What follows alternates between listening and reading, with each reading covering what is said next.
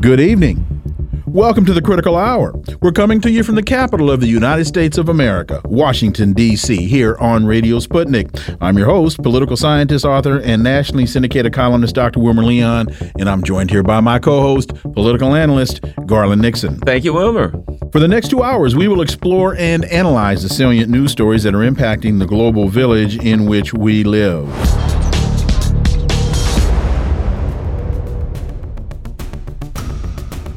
Sputnik International reports U.S. quote classified forecast end quote predicts Ukraine counteroffensive will fail after more than two months of heavy losses and with very little to show for it. U.S. media is reporting on a classified forecast from Washington that predicts Ukraine is unlikely to meet its goals in its counteroffensive. For insight into this, let's turn to our first guest. It's Friday, so we're going to start the show the way we always do. He's an independent journalist, political analyst, and reporter for RT, Caleb Maupin. As always, Caleb, welcome back. Sure. Glad to be here as always. So Sputnik is reporting this, as well as the Washington Post has a headline U.S. intelligence says Ukraine will fail to meet offensive's key goal. Thwarted by minefields, Ukrainian forces won't reach the southeastern city of Melitopol, a vital Russian transit hub, according to a U.S. intelligence assessment. So, Caleb, when Western media starts telling this story, uh, what are your thoughts? And here's one more question. They're saying that Ukraine is failing, but when your proxy fails, do you fail as well? Caleb Maupin.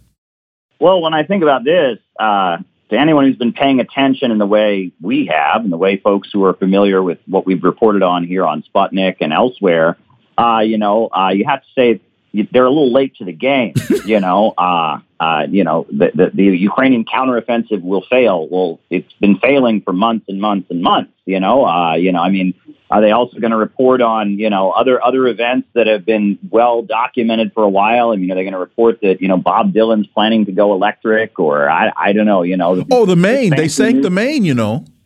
Yeah, and this fancy new thing called Facebook might catch on on the college campuses. I mean, they're they're way behind. They're way, way, way behind here. Um, but they have to acknowledge reality. And I think what this indicates is kind of like what was revealed in Seymour Hersh's recent article um, that within the intelligence community and within the sections of the ruling class that, you know, and the, the deep state that are not always public, there is a feeling like, what are you doing, Joe Biden? Okay, you've given a blank check to Zelensky, but there's no foreseeable end game here. There's no way for Ukraine to quote unquote win this conflict. They're not going to get Crimea back. They're not going to get Donetsk and Lugansk back. So what are we doing at this point? We're just kind of throwing away Ukrainian lives. We're just going to keep throwing money at this problem and this very corrupt government in Ukraine that is, you know, is pilfering the money and, you know, and sending weapons to, to criminal gangs. And, you know, I mean, are, is that what we're going to keep doing? I mean, we're just going to keep throwing money at this problem. And I mean, this is ridiculous. Uh, and that there's no real end game. And, uh, it seems like there is a feeling, uh, to some degree or other, that Zelensky has some kind of leverage over Joe Biden, and that's why this is continuing. Because even among some of the most anti-Russian, you know, folks, uh, there is a question now of like what what is really going on, and they've tried to hide this and keep it out of the mainstream press as much as they can. But it looks like now uh, it's it's out in the public sphere, and that's what I see from this report. Well, the other part of it, if you could comment on this, is you know we heard uh, Jens Stoltenberg recently say, "Well, Ukraine may have to give up uh, concessions of, of land," and then he then the Ukrainians got mad, and he's like, "Oh no, no, well, I'll get backtrack on that." And here's the bottom line: he's they're, they're, they're, the people that are talking about some kind of concessions are implying that Ukraine has enough leverage to negotiate. If two people are going to negotiate, both of them have to have some leverage. Ukraine has nothing. They're in no position to no- negotiate. They have lost their land. They have lost the war. And I don't see how there can be a negotiated settlement when one side has no nothing to negotiate and the patrons that are in charge of Ukraine are living in a dream world where they can't accept that reality. But that's their leverage. That's that's Ukraine's leverage is the dream world of its patrons. Ah, there you go. uh, Caleb. Sure. Um, and the narrative that we get from the Pentagon and from the U.S. Department of Defense uh, and the U.S. State Department is they claim, well, you know, Putin was, tra- uh, you know, planning to, to seize all of Ukraine, which was never a stated purpose, you know, from the Kremlin. Never was that stated as their intention. But they say, oh, well, Putin was planning to, you know, seize Kiev and conquer all of Ukraine. He failed to do so, so clearly Ukraine is winning. And Antony Blinken has made comments to that effect before, and it's like, what dream world are you living in? You know, Russia would prefer to not even be, you know, doing what it did now. The Donetsk republics asked Russia to recognize them and intervene militarily on their behalf a really long time ago uh, in 2014, and Russia said no, and it held off doing this for eight years solid. It, it, it waited and waited and waited, and it tried to get the Minsk agreements to be implemented, et cetera. So, you know, I mean, the the idea that Russia that Russia was trying to seize seize all of Ukraine, and so therefore they haven't done it. So Ukraine is clearly fighting bravely and heroically. I mean, that's that is something we're hearing from the mainstream press a lot to try and cover up the reality of the situation on the ground. But it doesn't match the facts of the conflict in any way whatsoever. It's part of the fantasy world that Western media has built up. You mentioned the United States sending weapons in and and arming gangs, and people are now scratching their heads asking, so what's the purpose? What's the end game? Well, if you ask Lockheed Martin, they'll say, "Oh, sending weapons." If you ask Raytheon, they'll say, "Oh, sending missiles." If you if you ask General Electric, if you so if you ask those in the military industrial complex, and we have been saying on the show along with you for a very long time that this is nothing more than a money laundering scheme.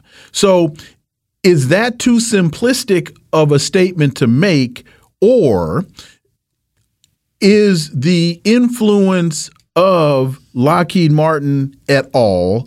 Uh, holding greater sway than most people want to give credit to or understand?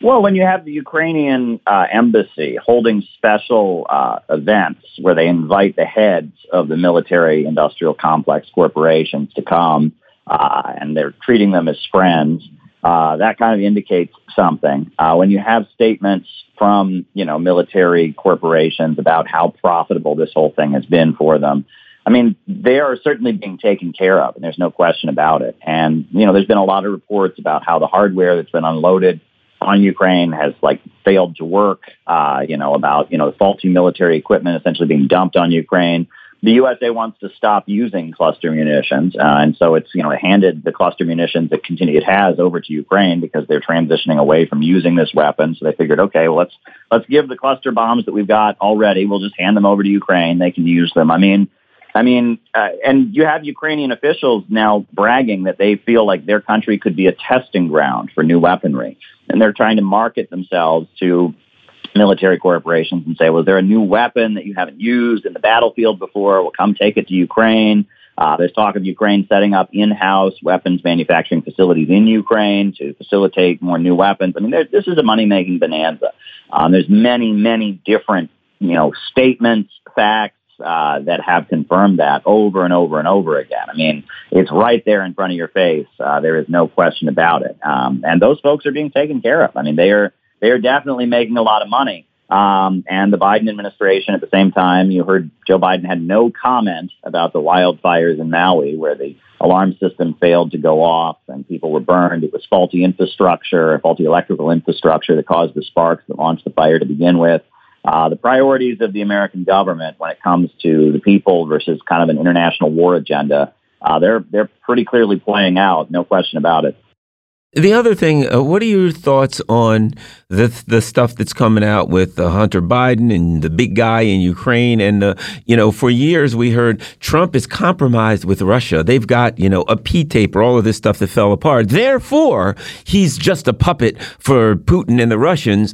And what we're finding about Hunter and Joe and money in Ukraine certainly appears as though I mean I don't want to come across as though a conspiracy theorist or something. I may be. I don't know, but it would seem to me that if there's validity to that those assertions, there are people in Ukraine who could, in fact, influence Joe Biden's policies um, simply by threatening to expose some of his, uh, you know, miscreant behavior. Caleb.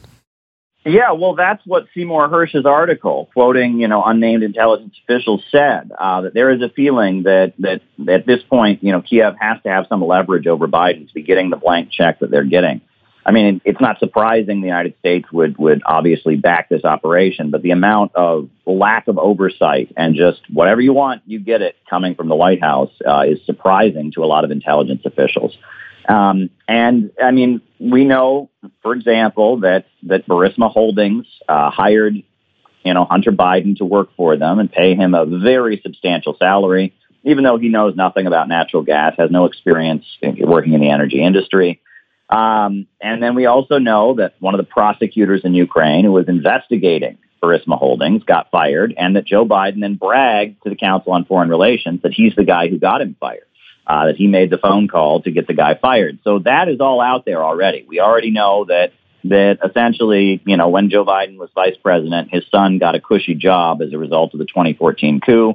We know that there was investigation about possible corruption to that, and Joe Biden shut it down again as vice president. But what else has gone on, and how deep does it go? I think that's a question that that must be raised because it has to be deeper than that because those things are already out there in the public sphere. Everyone knows about those two things. Uh, but what else is there? And now there's, you know, the laptop and Hunter Biden's got these charges and there's a lot of questions here. And, and many people suspect there has to be a lot more because the amount of leverage they clearly have over the White House is massive.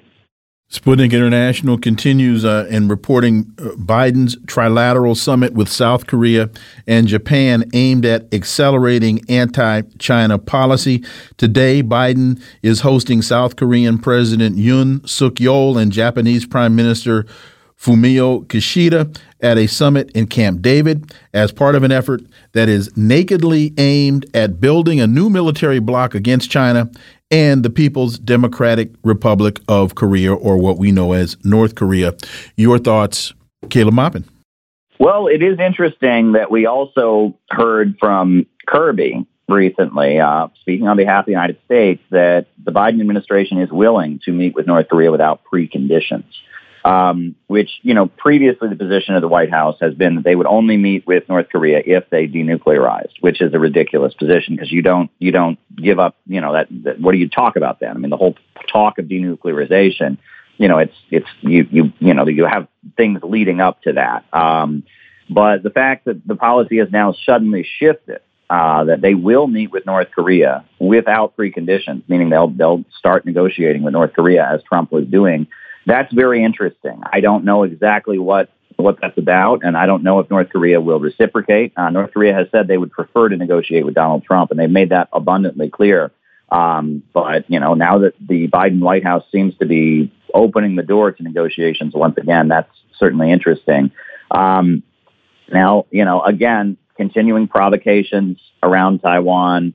Um, that's you know obviously on the table, and you know that you know the United States is doing everything they can to push the Taiwan issue, to try to embarrass China, to push China into a situation where it feels like it has to intervene and and reunify Taiwan with the mainland, uh, which which would be a disastrous situation. And I think that the USA was hoping that they could pull Russia and China apart, that they could use China to pressure Russia to uh, to de-escalate and and not take the action it did in Ukraine. Uh, China made clear it wasn't going to do that. Uh, China made clear that you know it's friends with Russia, uh, not friendly to the United States.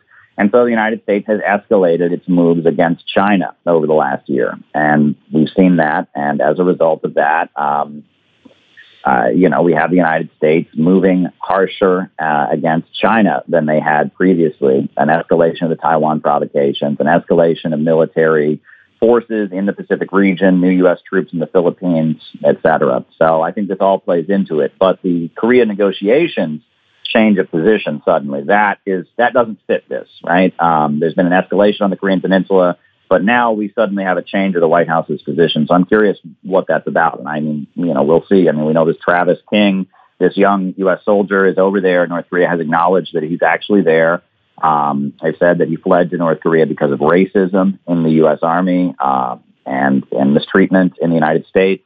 Uh, and so we'll have to see. The Korean Peninsula right now, there has been a sudden change, a sudden shift, and I want to see if that if that stays. But the rest of this just kind of fits the standard pattern we've seen of essentially escalating against China because the USA failed to use China against Russia.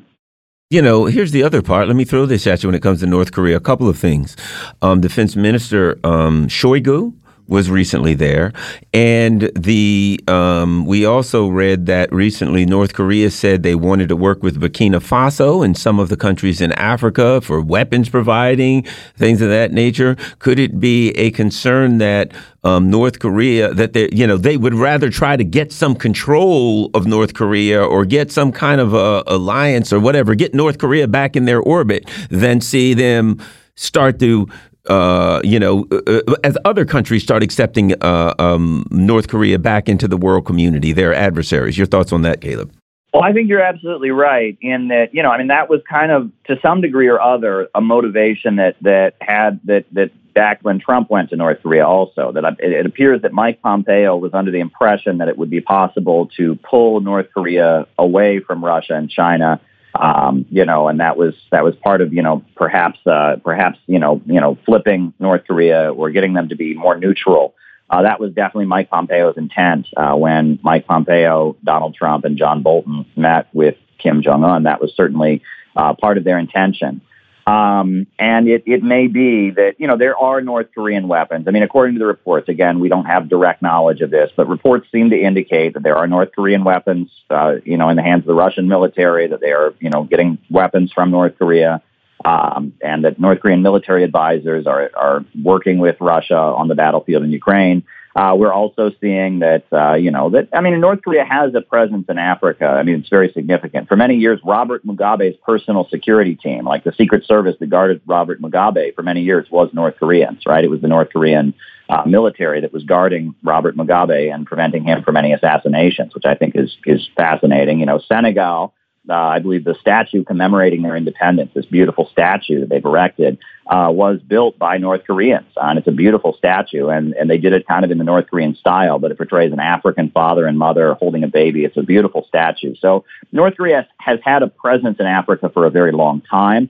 Uh, as the conflict, you know, and the situation with Niger escalates, and there's talk of some kind of regional war there, I'm sure North Korea would be a factor, and they would be on the side of the, the military of Niger, and they would be on the side of forces that are friendly to Russia and China. So the possibility of neutralizing them, uh, decreasing the amount of weaponry that might flow from North Korea to African countries, that's also a factor. I think you're, you're right about that, and that that North Korea, you know, people think of it as this isolated country, you know, that has no ties around the world. That is simply not the case. Uh, you know, there are a lot of Palestinians living in North Korea. There's a lot of Africans living in North Korea. Eldridge Cleaver, the leader of the Black Panthers, lived in North Korea for a long time, and his daughter was actually born there.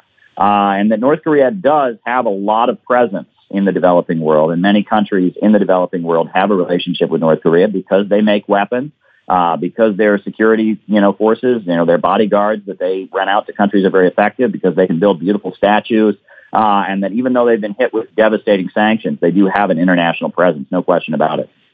We have just about a minute left, minute, minute and fifteen. I have an idea that might that could uh, move things along a little bit, and I'm suggesting this to to Joe Biden because I know he he's a regular listener to the show. How about ending the Korean conflict?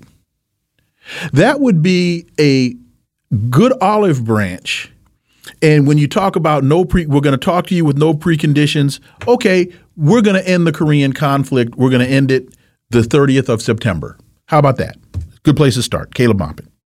Yeah, uh, ending the war on the Korean Peninsula, conferring diplomatic recognition to the government in the northern half of the Korean Peninsula, you know, uh, setting up a North Korean embassy in the United States, an American embassy in North Korea, that would probably be one of the first steps. Uh, right now, the United States does not recognize the North Korean government as legitimate. It maintains that the government in South Korea is the legit government of the entire peninsula. So, yeah, I think you know the United States wants better, you know, negotiations and you know better change in policy from North Korea.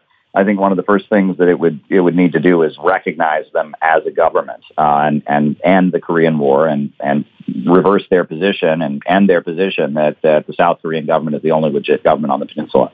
So, President Biden, that's a freebie from me to you. And then make Corn Pop the U.S. ambassador to North Korea. I think he's going to send uh, Victoria Nuland to work out the details on that. Sounds like a winner to me. Caleb Maupin, as always, thank you so much for your time, man. Have a wonderful weekend. And as always, we look forward to having you back. Sure thing. Always a pleasure. Folks, you're listening to the Critical Hour on Radio Sputnik. I'm Wilmer Leon. I'm joined here by my co host, Garland Nixon. There's more on the other side. Stay tuned.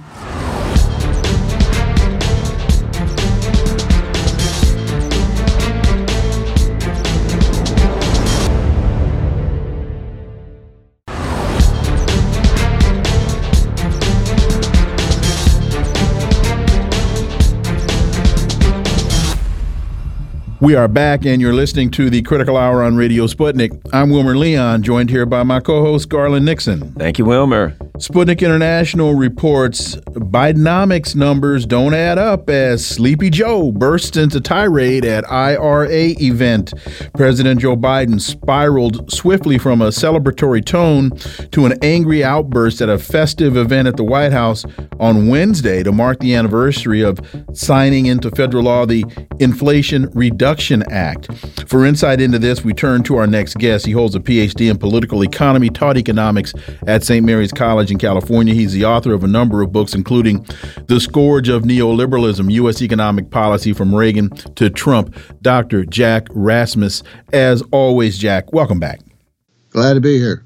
So, uh, as a as a supplement or a complement to this Sputnik piece, the Wall Street Journal has a piece from yesterday the Inflation Reduction Act flim flam.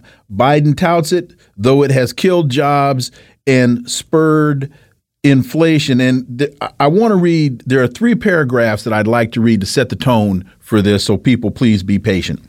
A recent CNN poll found Americans still consider the economy the most pressing issue facing the country. More than half of Americans think the economy is bad and getting worse, and only 37% approve Mr. Biden's handling of the economy. Just 30% approve of his handling of inflation.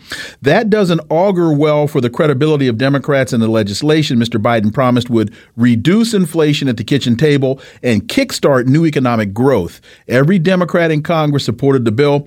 It should doom them in 2024. Final paragraph. Republicans must aggressively articulate what is wrong with the legislation. The most obvious point after a year, the legislation hasn't reduced inflation. Food and consumer costs are increasing again. Rent is going up too. Even Mr. Biden conceded that the title is a misnomer, telling donors at a fundraiser, I wish I hadn't called it that. Dr. Jack Rasmus, we know that the uh, Wall Street Journal has a conservative, if not slash Republican bent. Your assessment of the reality. Yeah, well, you know, the, it's it's the spin is in, the hype is uh, ongoing here about the IRA. It's part of uh, all the hype about Bidenomics. I guess they think if they uh, uh, tell enough lies long enough and get enough people to join in, uh, that uh, people will believe it. But uh, you know, it, it's quite different uh, than the reality here. this this whole hype about the IRA and and Bidenomics in, in general. It's all part of the Bidenomics tour. You know, Biden go around saying, "Oh, it's been so great," uh, but people know, uh, as evidence in the poll, quite quite, quite the contrary here. Uh, let, us take just the idea of inflation. Well, you know, a year ago was 8.3%, as he says, Biden says, and uh, 3.2%. I'm talking about the CPI, right? Mm-hmm. But uh, mm-hmm. look, the CPI is an average of goods and services inflation, and uh, goods inflation has come down right? Goods and things, in other words, buying things. Uh, but that's uh, probably more due to the global recession and exports uh, contracting uh, in general.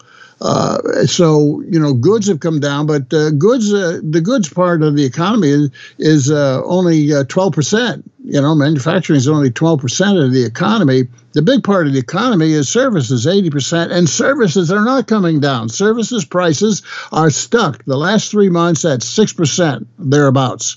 And actually, they're, they're sort of creeping back up.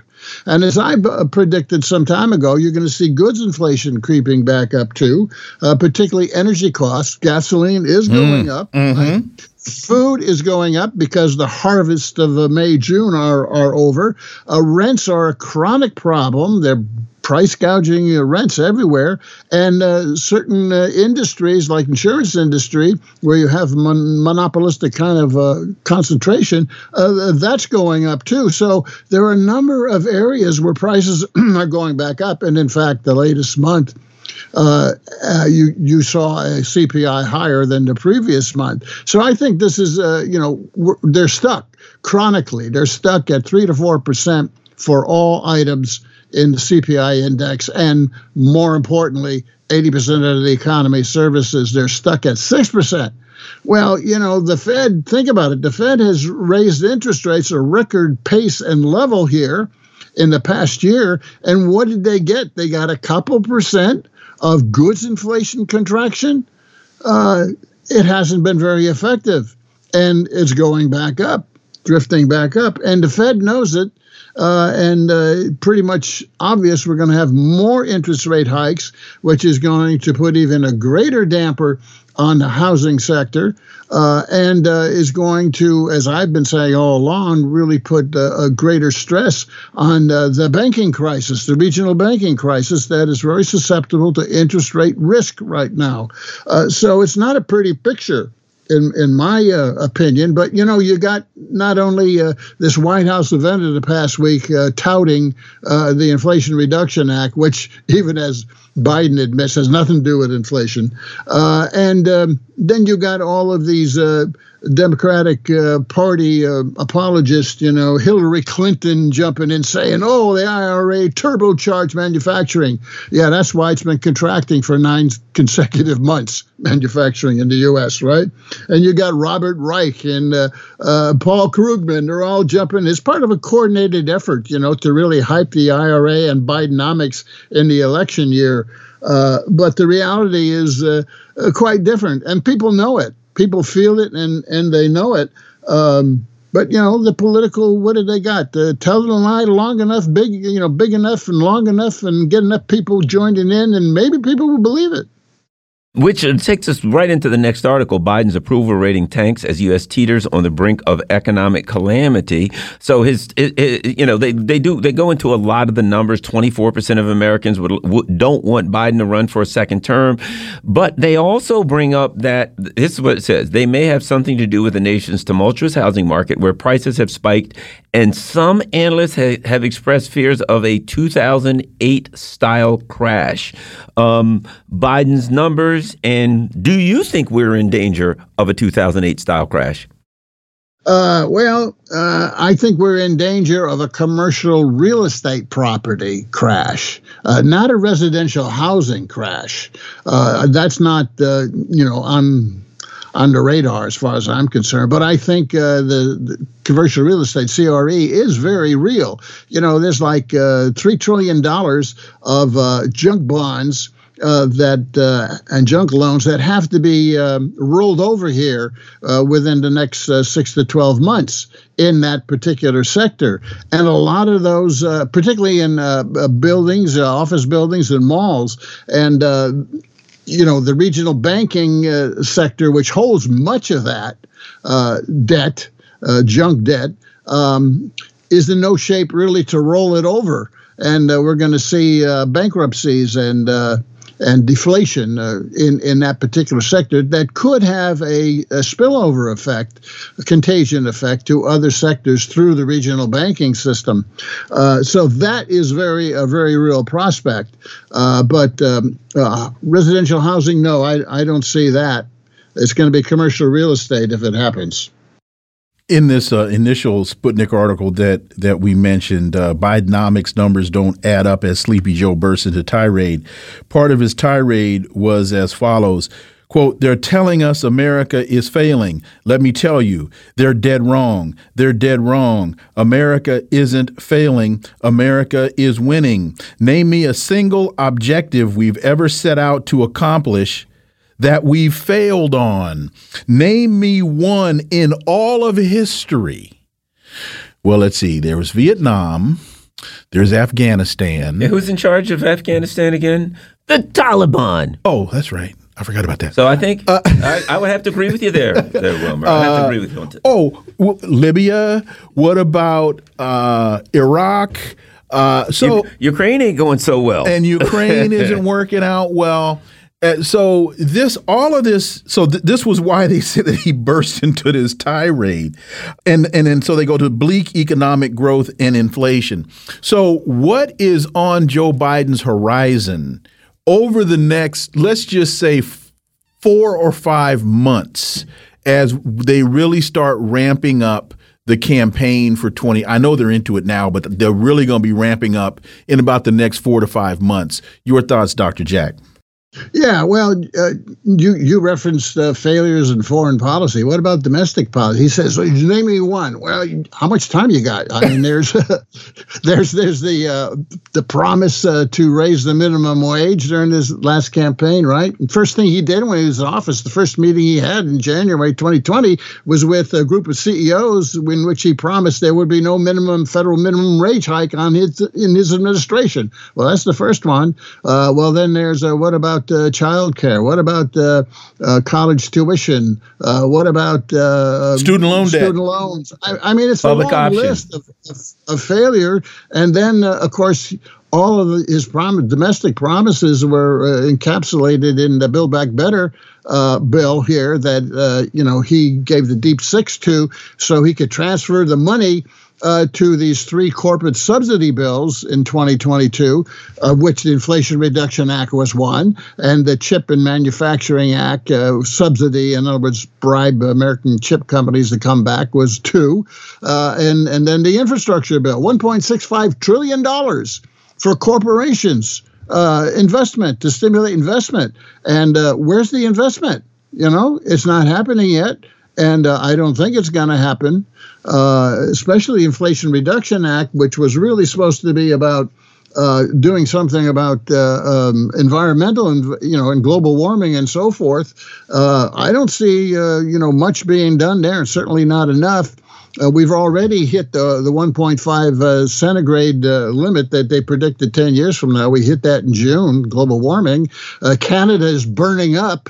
Uh, and, uh, you know, one thing they're not talking about if Canada, northern Canada, is on fire, that means that the tundra is thawing out mm. up there. Mm. And the thawing of the tundra is releasing methane, which is 10, 40 times, I don't know what it is, worse than CO2. This is the big environmental crisis, I think, that's happening now. And boy, they're not talking about that very much. They're probably not even measuring it very well. And don't forget, when the tundra melts, sea rise increases, sea level rise increases. Yeah, well, you know, we're going to choke before the sea level rises, I think. Uh, but you know, I mean, it's it's a failure. It's it's a gross failure. Uh, his policies uh, domestically and and of course uh, you know in foreign policy as, as I've been saying you know this whole sanctions policy against Russia and China has precipitated and accelerated the decline of the American economic empire. Uh, it's it's almost assured an alternative uh, global currency for trading. We're going to see very soon. Uh, it's it means the uh, uh end of uh, certain U.S. global institutions' total hegemony. I'm talking about uh, you know the IMF and the World Bank and the SWIFT international payment system. History will show that Joe Biden on foreign policy just shot the empire in the foot. Mm. You know. Uh, so the bifurcation if, if not both feet. trades going on. I mean, it's a total disaster. Uh, uh, the other part of it is this I'd like to get you to comment on.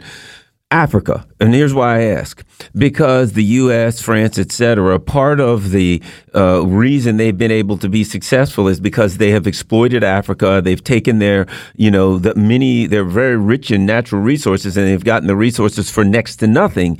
And it looks like that may be coming to a screeching halt. So their policies in Ukraine, their foreign policy is creating an environment where, don't get me wrong, I don't want to see Africa exploited. I want Africa to be, able to be, you know, self-sufficient and to have, uh, uh, you know, democratic control of their own resources. But again, the assertive and aggressive, malevolent, shall I say, po uh, foreign policy of the neocons under Biden administration, Africa and the Middle East, where all this oil is is, are drifting away from the U.S. and, in fact, becoming, I would argue, you know, angry and, and, and in opposition to U.S. policy.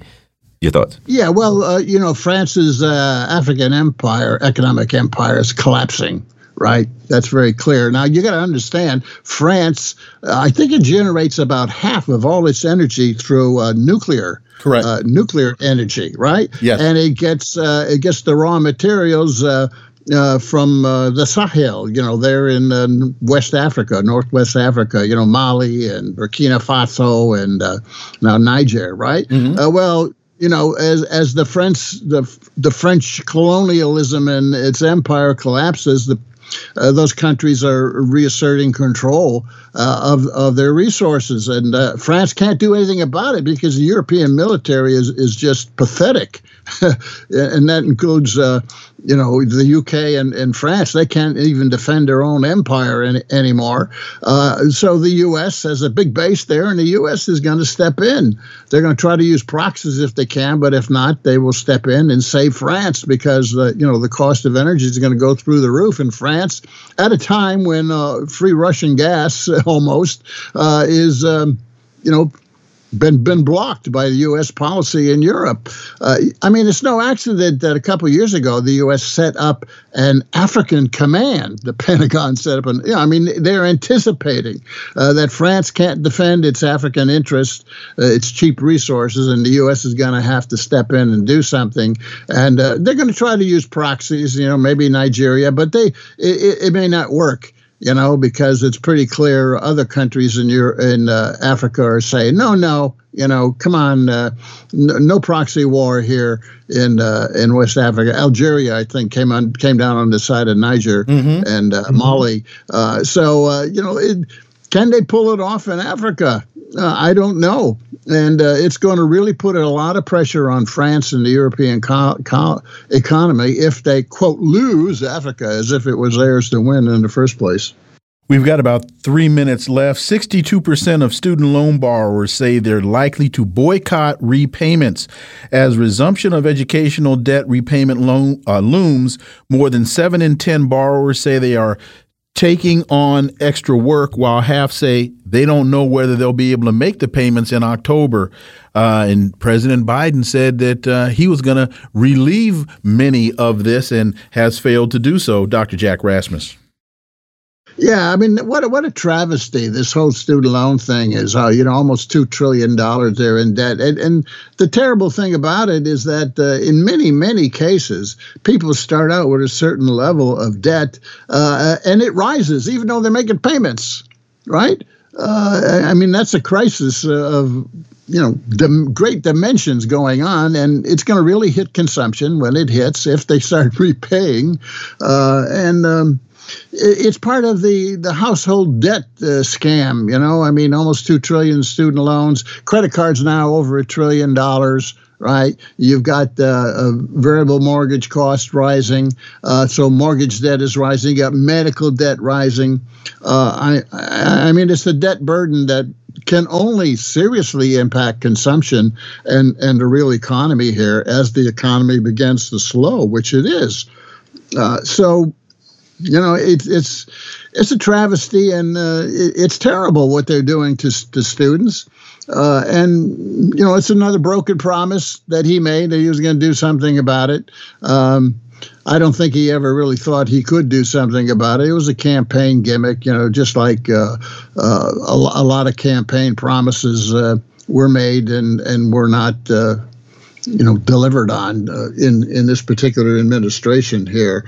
Uh, but we'll see what happens. Uh, students can say that, but you know, I mean, the, the consequences are so mm-hmm. severe to your right. credit credit rating. I, I, I don't think many of them are going to be able to do that. Unlike businesses, you know, uh, businesses can uh, declare bankruptcy at a drop of a hat uh, and reorganize and come back uh, in in greater shape than they were before bankruptcy. It, The very bankruptcy laws are very liberal uh, for businesses, but boy, uh, are are they harsh when it comes to uh, individuals, particularly students here with this student loan program.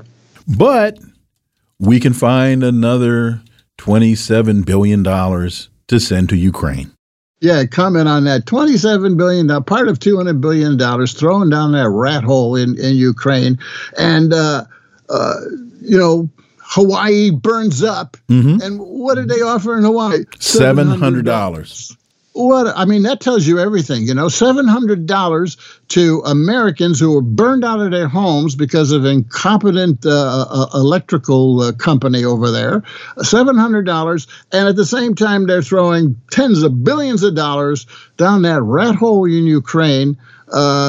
Well, you know, it may have something to do with the Biden, uh, Hunter, and uh, you know, That's Joe. Biden connection that history will show eventually is uh, behind a lot of our uh, adamant commitment to Ukraine. He wants to be sure that his bank accounts in Ukraine stay solvent. Dr. Jack Rasmus, as always, and Hunter's as well. Dr. Jack Rasmus, as always, thank you so much for your time. Greatly, greatly appreciate that analysis, and we look forward to having you back. Always glad to join you. Thanks, Jack. Folks, you're listening to the Critical Hour on Radio Sputnik. I'm Wilmer Leon. I'm joined here by my co host, Garland Nixon.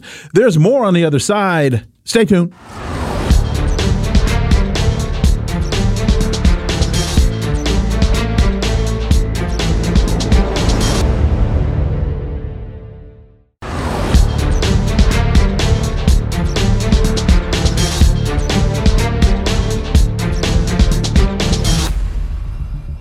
We are back, and you're listening to the Critical Hour on Radio Sputnik. I'm Wilmer Leon, joined here by my co host, Garland Nixon. Thank you, Wilmer. There's an interesting piece in CGTN entitled U.S. Waging Unwinnable Tech War.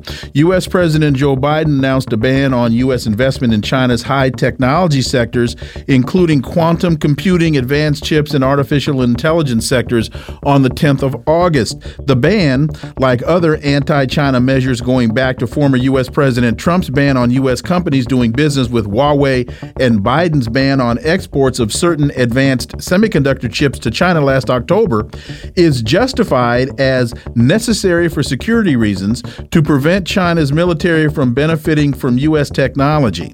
But in reality, the purpose is to try to stall China's technological advance. Well, for insight into this, let's turn to our next guest. She's a professor in the Department of Political Studies and director of the Geopolitical Economy Research Group at the University of Manitoba, Winnipeg, Canada, and author of numerous books and the author of this piece, Dr. Radhika Desai. As always, welcome back. Glad to be here again. So you continue the new ban to take effect next year is the newest step in Washington's new Cold War against China, which it began launching in the aftermath of the 2008 financial crisis and went into higher gear under Trump. Uh, uh Dr. Desai, they can't win this militarily, they can't win this economically, and they can't win this technologically.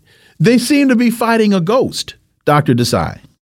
Well, you know, this is a really, it's kind of the $64 million question vis a vis the United States. Uh, you know, the fact of the matter is that many of the leading corporations in the United States uh, and, and many other places as well are actually not happy about what the United States is doing. So, for example, I read in the financial press that the boss of NVIDIA is basically saying to the Biden administration, why are you doing this? You're only making things hard for us. And what's more, more, the boss of NVIDIA, no sooner than the October, last October, as you remember, they had announced a, a ban on the export of certain very high-tech chips to China. And NVIDIA, of course, is one of the major manufacturers. So, well, what did they do? They just redesigned a new chip one notch below the level at which export was banned and continued exporting to China. So, you know, uh, so, so, so, so the point is that it does not make sense to the to, to the leading corporations. And so it's a real mystery. It seems to me that today uh, Washington's policy is driven forward uh, more or less purely by ideology. And this ideology is fueled by various think tanks. And I would say that it's fueled by certain partisan interests, like certain sections of the uh, of the ICT industry, the information and communications technology industry, are threatened by China, and they are fueling this even though many other parts of the same industry and most other parts of the U.S. economy do not wish to engage in this kind of confrontation, which disrupts their trade and disrupts their opportunities for profit. Uh, there's a sentence I'd like to uh, uh, uh, uh, ask you about in this article that you wrote. Above all, however, these bans and efforts to stall China's technological advance will fail for the simple reason that they are premised on the false assumption that China has advanced technologically by stealing technology from the U.S. Let me just add this. And I think that false assumption is based on now you could use the word American exceptionalism, racism, whatever you want to do, but that is also based on we are the greatest, smartest, most wisest, most technologically advanced society, and there's no possible way that they could have just figured it out themselves. They had to have stole it from us. Your thoughts on that?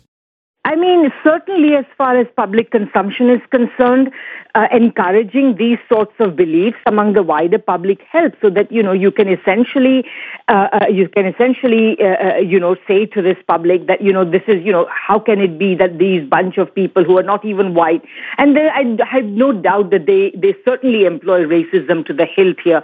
You know, they, they're not smart enough to get it. You know, like just 70 years ago, they were poor as dirt. So, you know, how could they possibly have done it, etc., etc. I have no doubt that this is, uh, this is uh, playing a role.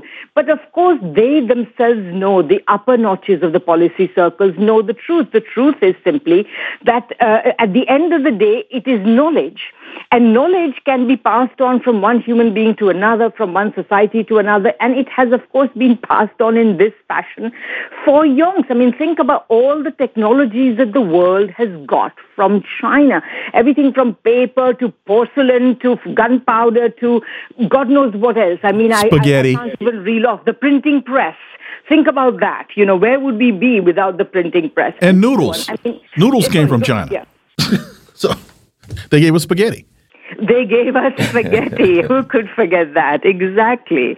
So, so yeah. I mean, the, the fact of the matter is that and you know, the United States is basically one of my uh, one of the problems I have is that many people have pointed out that the United States is actually uh, approaching technology in the wrong way. You can't just develop one little thing and say, okay, now this is ours and it's going to be ours. The fact of the matter, and and therefore, you know, uh, uh and somehow if we restrict its use by other people, restrict knowledge uh, uh, of it to other people, then we will somehow stay ahead. No, every, every human being on this earth has got a few brain cells. Everybody has roughly equal brain cells. And particularly the, the Chinese uh, government is capable, the Chinese, I would say the revolutionary party state, because it is revolutionary, because it has wide and deep legitimacy, it is actually capable of mobilizing the resources to overcome any obstacle that the United States wishes to put in its way. They have done this in so many different fields. I actually forgot to look this up, but there is an, a report by the Australian, you know, ASPI, the Australian something or, you know, the right-wing think tank that's anti-China. But they have published a report which says that China is ahead in nearly all of the couple of dozen leading technologies in the world, that it leads in more sectors than the United States leads. So it's already doing this. You think that, you know, okay, so you're going to delay their rise by a year or two here or there, but you're not going to be able to do that. And what's more, the US's ability to imitate China is, is actually really not much in evidence. Today, everybody and their dog in the United States is talking about industrial policy. So everybody's recognizing, you know, it's a bit like a Japan movement. I don't know if people remember, but back in 1992, Ross Perot ran as a, th- a third party candidate. Mm-hmm for the US elections. And his point was, look, the Japanese are defeating us. We have to, in order to, in order to stand up to the Japanese challenge, we have to do what they're doing. That is to say, we have to have a more interventionist state. We have to, you know, et cetera, et cetera. Well, the thing is that the so so this is another moment of the same. The Japanese, you know, uh, challenge was uh, uh, you know seen off in in all sorts of other ways. But the fact of the matter is that you can't do that to China. China is not Japan. China is much bigger. China has more resources, and above all, it's a revolutionary state. It's not going to give up its commitment to developing its own society and the productive capacity of its own society that easily, right? So anyway, I mean, I'm, I'm sort of slightly wondering here, but it's, you know, the U.S. approach is completely wrong because the Chinese are investing in science, tech, education, technology in their own society. And once they roll up their sleeves and they say, okay, we are going to produce all the chips we need, they're going to do it. What is going to take a year, two years? How long? You write, following on that point, China's technological advance is based on two factors. First, it has achieved technical technological advance. It's based on the ability to create a scientifically trained workforce.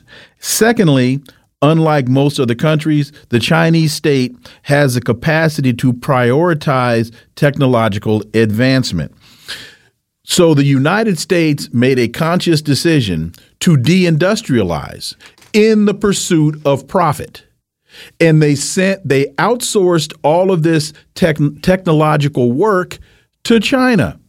China made a cultural decision we are no longer going to be perceived as what was the the the the the, the reference the, the sick weak, the sick, sick man. man. of the sick man of the Middle East of, of the Asia. Of, of, of, the sick man of Asia and so based upon that conscious decision they invested the resources in their country to bring about this result and by the government managing business a lot of the profit was reinvested into the country.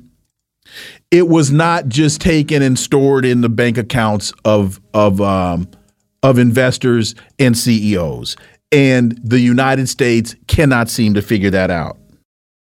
Well, exactly. And you know, uh, uh, one of the thoughts I didn't finish earlier is that today everybody in the U.S. is talking about industrial policy, but all the government, uh, all that the government seems to be capable of doing in pursuit of industrial policy is, is to roll out more subsidies and more uh, avenues for guaranteed profits, risk-free profits for big corporations. This is not going to get, get you technological advance. In order to get technological advance, you have to make companies accountable to you.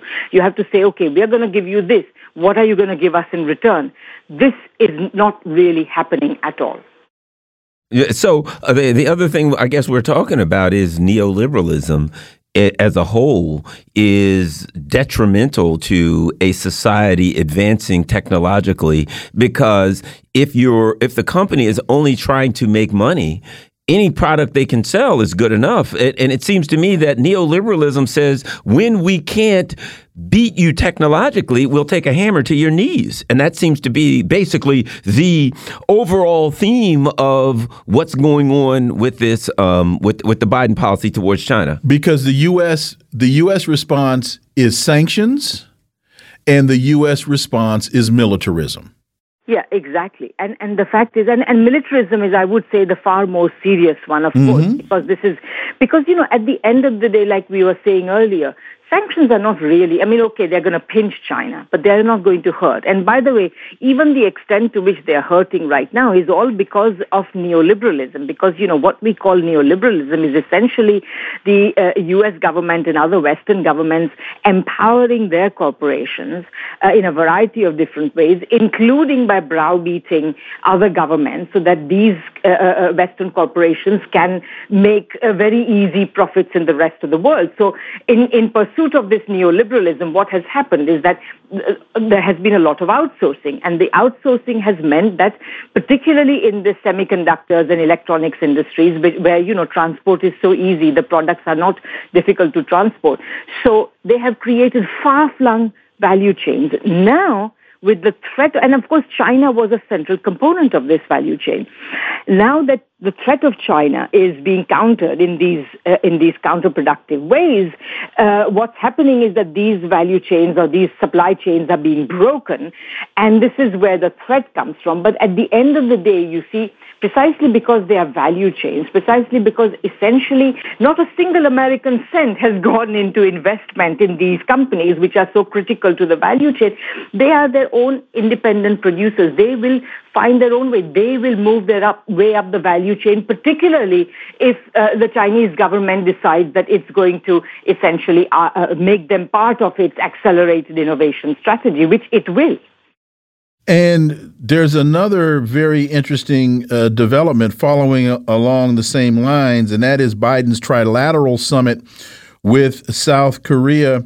Japan aimed at accelerating anti China policy. Uh, your thoughts uh, right now, today, Biden is hosting South Korean President Yoon Suk Yeol and Japanese Prime Minister uh, Fumio uh, Kishida uh, at Camp David and all of this trying to triangulate China. Absolutely. What they're trying to do, in fact, I read in the paper that this is the first time that the, these three presidents specifically are meeting in this way, in a meeting uh, designed for that, rather than on the sidelines of some uh, meeting or other, you know, some other larger meeting or other. So clearly for the Biden administration, this is quite important. But quite frankly, I'm not sure that there's too much going to come out of it. And I can think of a couple of reasons why.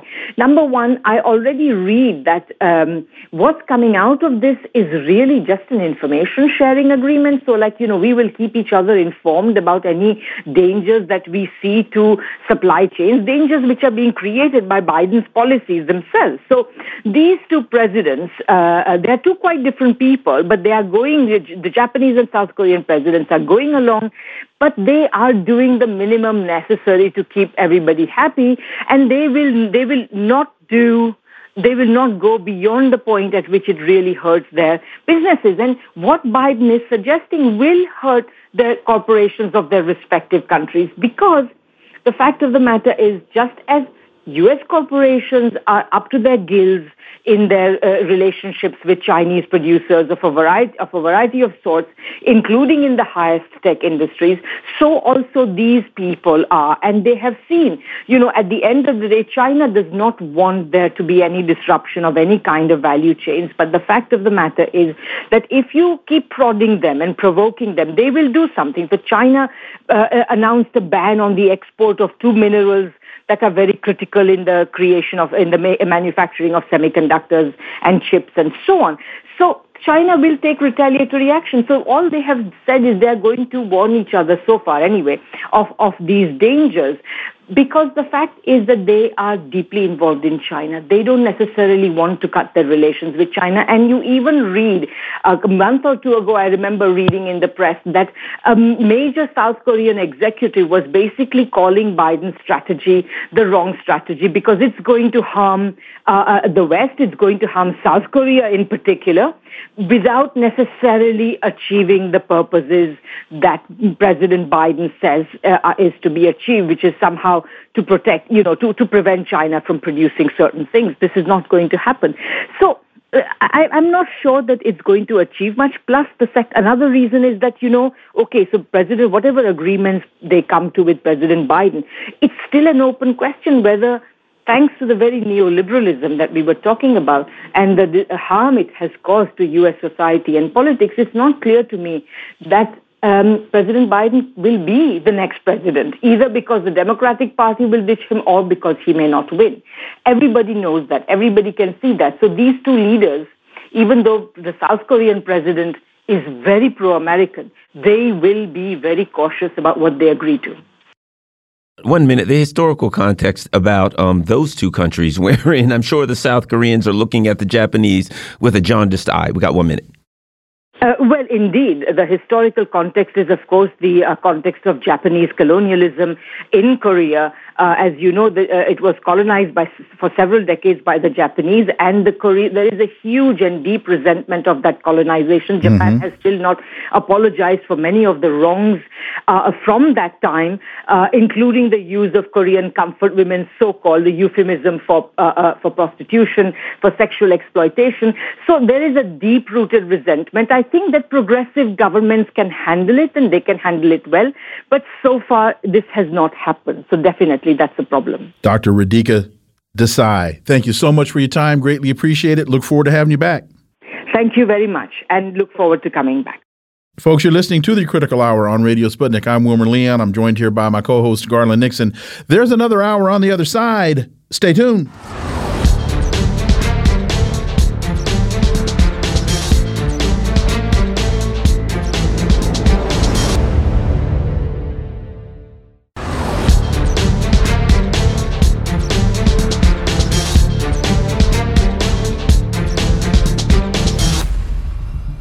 We are back, and you're listening to the Critical Hour on Radio Sputnik. I'm Wilmer Leon, joined here by my co host, Garland Nixon. Thank you, Wilmer. Sputnik International reports ECOWAS top brass meet in Ghana to agree on date for Niger intervention. Or would that be invasion? An emergency meeting of the chiefs of staff of the Economic Community of West African States, or ECOWAS, in Ghana, which ends today, will agree on a concrete date for the launch of the military intervention, or would that be invasion in Niger. Psalms 23 4 says, Yea, though I walk through the valley of the shadow of death, I will fear no evil, for thou art with me. Thy rod and thy staff, they comfort me. Well, let me say to those in ECOWAS, if you go into Niger, you ain't going in with the Lord. Yet you better check, you better check your back. For insight, let's turn to our first panel. It's Friday, so that means it's panel time, and we're joined by a member of the coordinating committee of the Black Alliance for Peace member of the Black Working Class Centered uh, Ujamaa People's Progress Party in Maryland, and founder of Liberation Through Reading, and co editor of the revolutionary African blog Hood Communist, Erica Caines. As always, Erica, welcome back. Thank you for having me. We're also joined by the chair of the coordinating committee of the Black Alliance for Peace and editor and contributing columnist for the Black Agenda Report and the Green Party candidate for vice president of the United States in 2016, uh, Jamu Baraka. As always, Jamu, welcome back. Glad to be here. Thank you. So, on the 17th of August, the first day of the meeting in Ghana, the sides discussed the uh, dis distribution of reserves among potential participants in the occupation, I'm sorry, in the operation against Niger. According to the report, at least five ECOWAS members, Nigeria, Senegal, Cote d'Ivoire, Benin, and uh, Guinea Bissau, are among the future participants. Uh, let me start with you, Erica Caines. Uh, I read Psalms 23 4 again because I think they're about to step into the valley of the shadow of death if they go into Niger and they aren't operating on the side of the Lord on this one, Erica Caines. Well, they certainly aren't operating on the side of the masses. I think um, it's important to know it's a critical moment for Africa right now, uh, especially that region. Uh, the continent is majority youth at the moment, so this is a generation of millions who have who have lived under and suffered the material conditions of a comprador class of African politicians who have always seemingly been beholden to the West. So they're either continuously opening its doors to the West to extract resources from, or they're doing the bidding of the West, um, i.e. ECOWAS, or what we're witnessing Kenya do right now in terms of Haiti. So the youth is making very conscious decisions and what's oftentimes dismissed organized decisions about their future. And we are seeing that manifest throughout the Sahel. Um, and there have been actions in Nigeria and in Ghana against ECOWAS led by the youth, pointing to how critical this moment actually is. Um, and then to think that it was held in Ghana, you know, sadly, Ghana today is not Nkrumah's Ghana. Um, and that's very much exposed uh, in this in this hypocrisy of, of Ghana opening itself up uh, for repatriation from Africans in the West, specifically Black Americans, while agreeing to, you know, be the stage for this sort of military intervention of another African nation. And then recently in Ghana, I know the country hosted a Pan African conference inviting all types of members of the Black celebrity class. But I think it's also interesting that you don't hear any one of those members of that class even speaking about this intervention um, or potential for intervention um, as loudly as they were talking about the potential for Pan Africanism. So I think, you know, ECOWAS is, is highlighting a bunch of contradictions, um, not just on the continent, but with the diaspora as well and coming to you with the same uh, same issue, uh, Ajamu Baraka, and you know uh, President uh, uh Traore at the uh, Africa or Russian summit, he talked about his generation, and so I'm glad that Erica put this in a generational context because uh, he's a relatively young man, and he put this in the context of our generation is tired of this, Ajamu Baraka. Mm -hmm. Exactly, and and that's really the the, the calculations that that uh, ECOWAS must take seriously, uh, not only in terms of the um, uh, stiff resistance that will be they will face uh, if they in fact uh, decide to do the bidding of the West and military militarily intervene into Niger. Uh, but it, what will result in their own countries.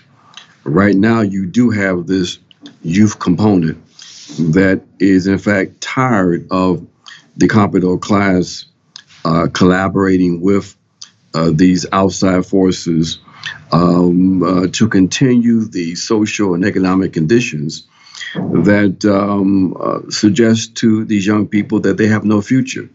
That basically the the the the possibility, the vision of what Africa could be, um, can never be realized as long as these uh, compradors continue to uh, sacrifice the national interest to the interests of, of foreigners.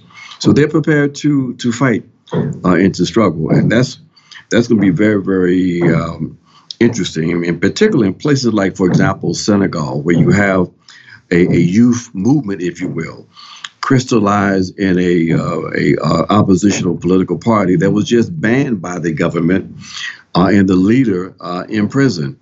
Um, and, and why they they banned the opposition they then, um, you know, very loudly proclaimed their support for uh, providing uh, Senegalese soldiers to the intervention force in Niger. So this is going to be a monumental miscalculation on the part uh, of the U.S. And I think that there's some wiser heads among the ECOWAS uh, leadership uh, that uh, will, in the end, I suspect, uh, won't uh, pull the trigger uh, with this intervention. But it's still a very dangerous situation right now. Uh, and it remains to be seen if they're going to, in fact, make a monumental decision to go in or to uh, adhere to, I think, their better instincts and refrain from that intervention. Erica, um, Malcolm X talked about something important. He said, you have to wake people up first. before you get anything accomplished, before you can get them fighting, doing anything, they have to wake up. The leader of Burkina Faso, uh, Ibrahim Traore, recently asked the fundamental question. He asked the existential question for, um, and it's a, it's a question and it's a rhetorically powerful statement. We've got all of these resources. Why are we poor? Why are we going around the world begging for aid? In asking that question, it put this into the African, you know, the, the, uh, not that people weren't thinking that, but from a figure like him to do that, to, to say that, to me, once that question is asked, you can't go back. Whether they attack Niger, whatever they do, things will never be the same in Africa now that that question has been put into the the, the ether, shall we say, of the African the zeitgeist. Uh, yes, of the African discussion. Erica. Yeah, I agree. I think if we look at historically at the anti-colonial movements, once those sort of questions were raised, um, that there goes decolonization, the process for decolonization. I think it's very important that he is saying these things. It is not to say, um, just like earlier I said, the youth is acu- they're acutely aware of their material conditions, um, especially in the last uh, over the last decade uh, since Libya. Um, the, the, levels of destabilization have happened across that region. Um, is unforeseen. So they're very much aware. But I think when you have a leader say that on a grand stage, I think it has the exact same impact as when Sankara went to the UN. Um, it's not that, you know, these things are not known, but to hear it said out loud and to hear it said in such a way uh, where, you know, the West is very much aware and, and, you know, they're attentive to what's being said, I think it puts them um, on a defense and it makes it puts them on alert um, that this is where Africa is moving and this is how Africa is moving. So you can sort of see the West now trying to sort of reconfigure itself into how see how it's going to adjust to the to what's occurring um, on the continent. But things are occurring on the continent quickly. Uh, Jamu, uh, Traore said, Today we are confronted for more than eight years by the most barbaric form, the most violent manifestation of neocolonialism and imperialism. Slavery continues to be imposed upon us. Our ancestors have taught us one thing the slave who is not able to take up his own revolt does not deserve our support for his destiny. We do not ask that anyone intervene to affect our destiny. The Burkinabe people have decided to fight to fight against terrorism in order to improve our development. And with that, and to your point about cooler heads or saner heads intervening on behalf of ECOWAS, the Biden administration is searching for ways to keep U.S. forces in Niger to continue so called anti terror operations despite overthrowing of the government. So, with that reality, Ajamu Baraka, if ECOWAS does decides not to intervene, what does the United States have at its disposal? What does it do? Well, that's why it's very important to to try to. I mean, we, we we're looking at a a dynamic process in which uh, what will determine how it develops will be the internal factors in these these in the specific national contexts of Burkina Faso and Niger. But when we look specifically at Niger, um, there's some interesting kinds of things we have to watch. I mean, we, remember that uh, Victoria Nuland uh, traveled to uh, to the country uh, last week and met for two hours, even though uh, she wasn't allowed to meet with the uh, disposed president, but met two hours with the defense, the head of the the, the new head of the defense um, apparatus, if you will, of, of Niger someone that has a very close relationship uh, with the U.S. Um, and um, you know, many of us speculated that um, if if the government, uh, if there's no intervention, uh, and uh, there's the uh, the U.S. is compelled to have to deal with Niger and have to uh, state the obvious that there was in fact a coup, which then limits what what the U.S. can do in terms of military to military um, cooperation, uh, that it will, the, the backup plan is to uh, work with the, the government there the, in, and to ensure that U.S. interests are protected, even if it meant that the French will, would be jettisoned, because the main focus of, of the masses is on is on you know uh, a, a, new uh, expression of self determination, of course, but it's the French that really is is the is the main focus, even though they also are linked to the U.S. So I think that we're going to see something very interesting develop, uh, possibly in that country. And that's why we say also too, we we have to you know we we see and you have you know read some of the statements coming from the leadership of Burkina Faso, and that leadership is quite I mean, the character of it is quite clear. The character of the leadership in Niger is still evolving. Mm-hmm. So we, we want to make sure we make those distinctions as we attempt to try to understand uh, what is unfolding rapidly uh, in that part of the world. But last quick point what we're seeing now in, in these French uh, um, colonial uh, nations is actually the acceleration of the decolonial process, a process that was was really sort of undermined because of the of the objective conditions that many of those states found themselves in uh, at the end of or during the so-called decolonization process in the 1960s and 1970s. As a consequence of now more leverage that these states have, there's a possibility now of a more authentic uh, and and deeper process of decolonization. And I think that's part of what we are seeing happening in these uh, French colonies. Erica, this this thought or this question just just came to mind, and I think you are the the perfect one to to, to address this. When you look at a lot of the freedom struggles, the anti-colonial struggles that took place in countries on the continent in the 50s and in the 60s and into the 70s, many of those individuals that were involved, they looked to the United States civil rights movement for a lot of their motivation.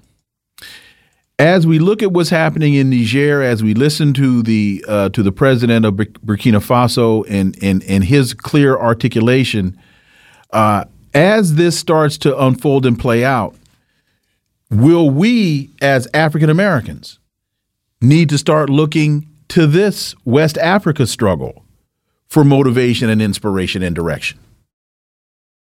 I think we should have always sort of kept our eye on Africa. I think, um, you know, the left in general has an Africa problem.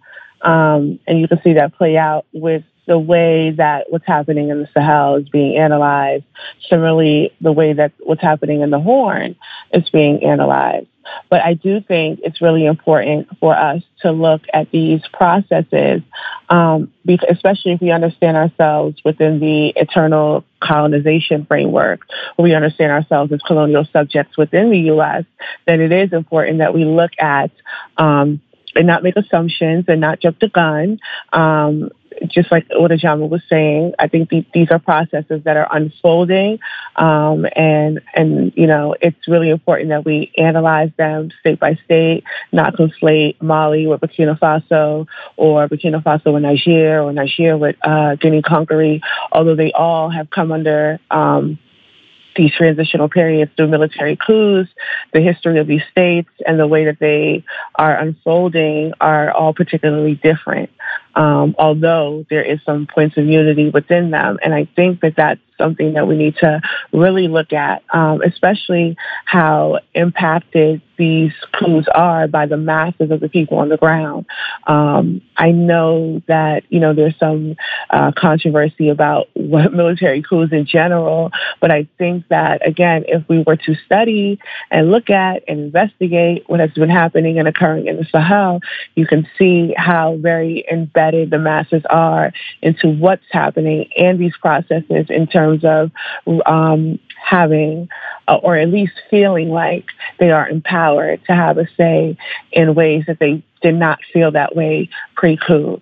So I do think that it's important, especially as people who you know, are in a country, we have not had any particular decolonial processes. We have not seen any uh, revolutions here for ourselves that we actively investigate and look at these processes and, you know, have a critical lens about them, but also like a dialectical lens and understand that these are processes in the making. Um, so nothing is set in stone.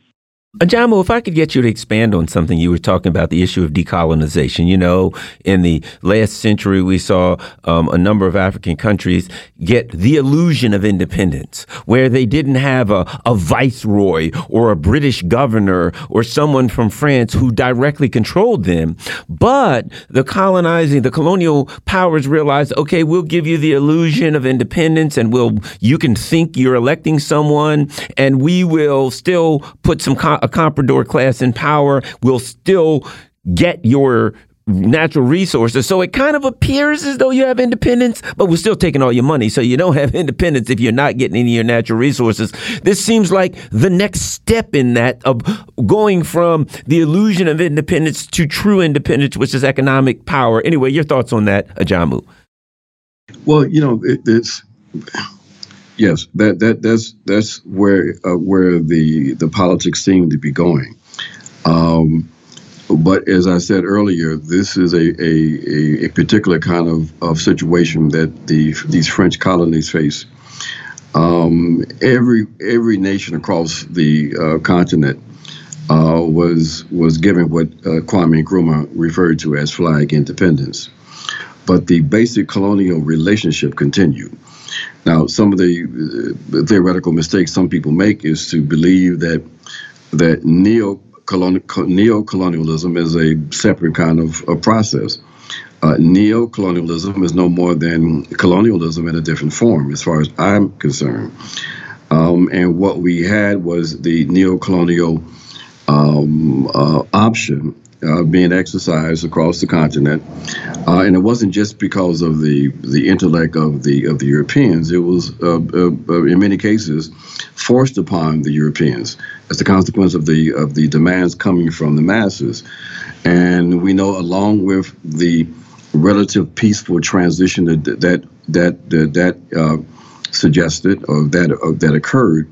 We also know that the Africans had to take up arms also uh, to to win a nominal state uh, power. So this this this process of of of nominal decolonization, as I said before, was somewhat arrested in the French colonies. That that they had a, a neo-colonial option, but it was it was an option that was really uh, much more extreme in the dependence of these states on their French colonial master. Uh, and the consequence of, of, of that has been the kind of social conditions that have, have, have frozen people into poverty, and now a, a, an eruption politically from the masses uh, for some kind of real change. So, you know, the trajectory of, of the politics is such that is moving toward uh, those kinds of, of demands for authentic uh, independence. But we have to recognize, too, that authentic independence within the context of the still hegemonic form of global capitalism is still a tall order. Erica, switching continents, but the issues remain the same. I, we want to be sure that we always keep this one in the forefront as well.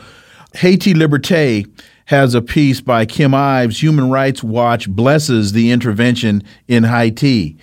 The just as missionaries proceed proceeded and prepared the ground for the sword wielding conquistadors in Europe's bloody conquest of the Americas, today human rights groups are the imperial precursors attempting to justify politically and ideologically the coup d'etat, the intrigues, and the military interventions carried out in the rebellious neo colonies by the North American and European imperialisms, in particular that of the United States. Always hegemonic. So here you have Human Rights Watch blessing this uh, attempted U, uh, U.S. intervention intervention in, in Haiti.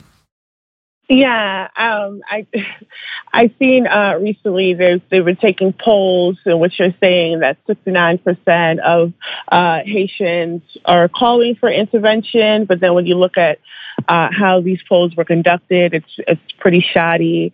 Um, but I think that I, I, I appreciate the Haiti Liberté, uh, Liberté piece primarily because um, not enough is really said about how uh, insidious the Human Rights Watch groups are um, that they serve at this point as an extension or another arm of uh, U.S. Uh, military.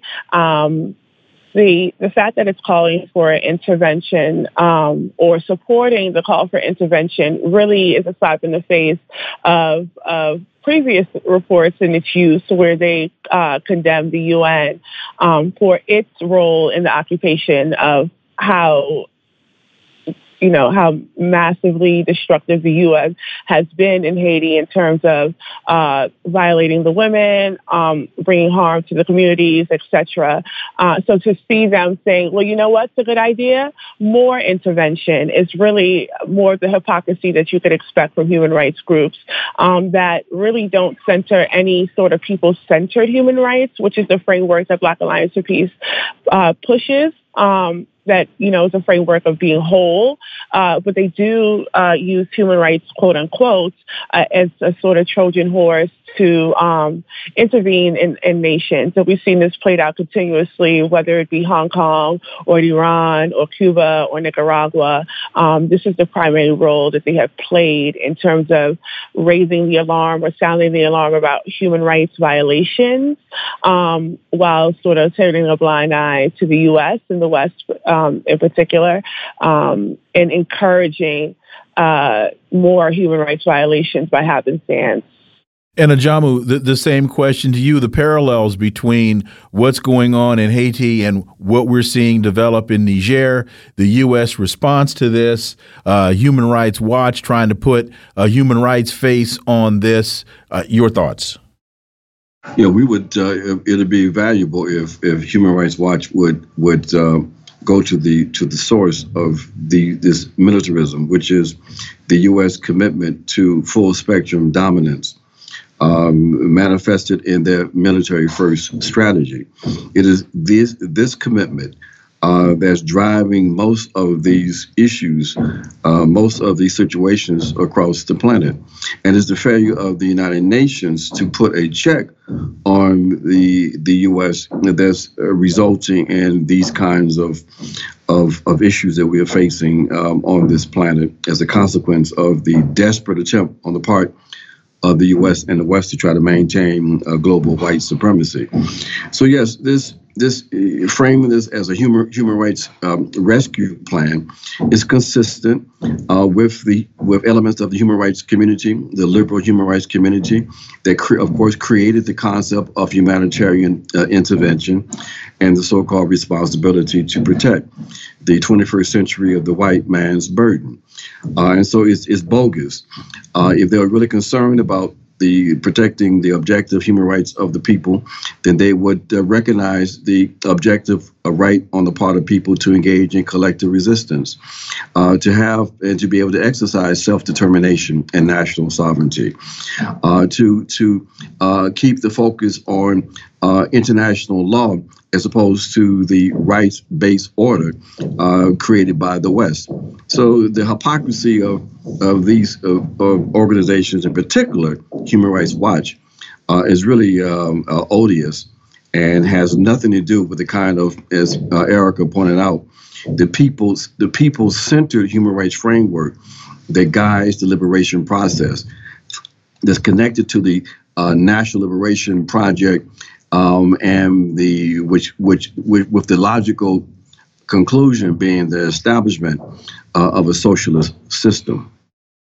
Uh, and, Erica, the other thing I think that is important to keep in mind here is Human Rights Human Rights Watch. It, it, you know, these um, uh, uh, uh, uh, nonprofits out here tend to be just like the think tanks now. They're usually funded, and they end up being just another proxy for the U.S. government. We got about a minute and a half. The National Endowment for Democracy, exactly. for example. Erica. Yeah, they absolutely function in that way. I think USAID, which um, is a parent of the National Endowment of Democracy, um, when we think about uh, the founder. I think he was in the co-founder of, of NED. He was in 1991 in the Washington Post, and he's quoted saying, "What we do uh, with NED is what we've done uh, with the CIA decades ago." So it's really apparent and clear that these uh, NGOs um, and you know state-sponsored uh, institutions really function in servitude of the uh, to expand Western hegemony and the West interest. Ajamu Baraka and Erica Caines, thank you both so much for your time today. Always appreciate that analysis. Enjoy your weekends, and we look forward to having you all back. Thank you. Thank you. Folks, you're listening to the Critical Hour on Radio Sputnik. I'm Wilmer Leon. I'm joined here by my co host, Garland Nixon. There's more on the other side. Stay tuned.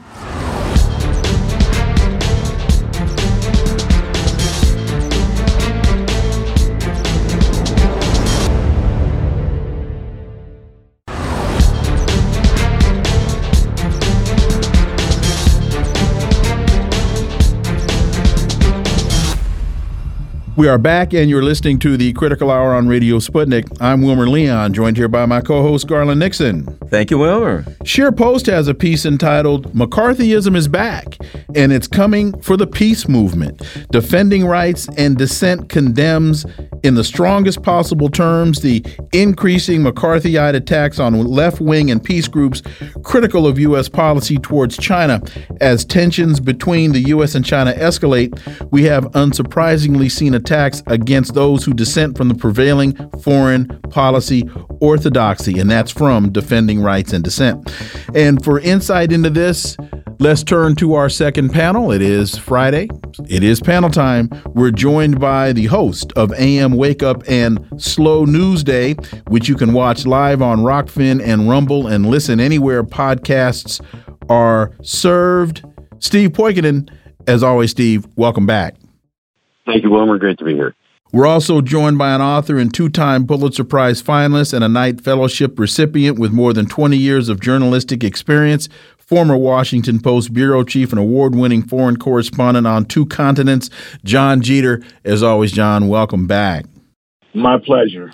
So, defending rights and dissent continues. Over the weekend, the New York Times published an inflammatory regurgitation of innuendo, uh, aspersions, and propaganda focusing on a number of groups, including Code Pink and the People's Forum, with the quote paper of record end quote giving these smears a veneer of legitimacy. Senator Marco Rubio sent a letter to the Department of Justice urging them to investigate these activist groups under the Foreign Agents Registration Act. This would not be the first time that bias reporting was used to predicate an FBI investigation. Steve Poikonen, your thoughts because what what what this smells like is a hell of a setup. Rubio, I would say, and I think Garland would agree, leaks the story to the Times and then uses that Times story as the predicate for him to attack the targets of the story. Steve Poikonen. Well, it, I mean, it's uh, it's Dick Cheney all over again in 2003, planting stories in the New York Times where they can then point and go, "Well, look, the New York Times says that that it's a tried and true method, and it's something that it, it has, uh, I think, less effect now than it did 20 years ago when Bushco was doing it. But I mean, yeah, it's it, it just goes to show you how little respect people like Marco Rubio and the people that are sitting as Congress critters currently have for the general public because we keep getting fed the exact same versions of the exact same stories over and over and over. They had an incubator babies redo in Ukraine last year. It, it's just the overall disregard for uh, the general public is overwhelming and on full display in this one. That's for sure. John Jeter. I, I don't have a lot to add to what Steve said. Uh, uh, you know, this is, uh, as Steve said, this is reminiscent of Judith Miller at the New York Times uh, being the recipient of leaks from uh, uh, Dick Cheney, and then Dick Cheney and the administration using that leak to justify the war in Iraq. So it, it would be comical were it not for the fact that we're seeing so many lives lost to this uh, really uh, uh, uh, uh, semi-comic, semi-tragic situation. Uh, the other thing I would say too is, you know, this this idea that Code Pink is to blame for our nation's discontent. I would ask, is is uh, um, uh, uh, Medea Benjamin? Is she the reason that we don't have single payer health care in the United States? Is she the reason that we're uh, uh, closer to nuclear war than probably at any time in the last uh, uh, 50 years? Is that because of Code Pink and Medea Benjamin, or is that because of uh, this political class that is hell bent on protecting its profits, expanding its profits at the expense of human life anywhere in the world? Uh, let me add something else here, uh, Steve. If you remember when they went after uh, what's his name, the guy, Infowars guy, and there were a lot of people that said it doesn't matter how you feel about him. That's an opening salvo. They'll start censoring him. He was the first one, and then bit by bit they went on until they got everybody that they possibly said anything they don't like. In the same way, let me remind you, because we all have discussed this, the Uhuru movement. When they went after the African People's Socialist Party, a lot of people, and I'll add this, including Glenn Beck and Tucker Carlson, said, You guys better be wary because they're going to start coming after more people. They go after the Uhuru movement, and now what happens a couple months later? Well, we got some other anti war organizations. We'll just move on them and it will expand from there. Steve. You're absolutely right. And, thank you for bringing up the Alex Jones thing because I was one of those people that was holding my hand up going, Hey, this is bad for everyone and it's going to, it's going to blow up in everyone's face the same way that Julian Assange should have been an alarm bell for everyone.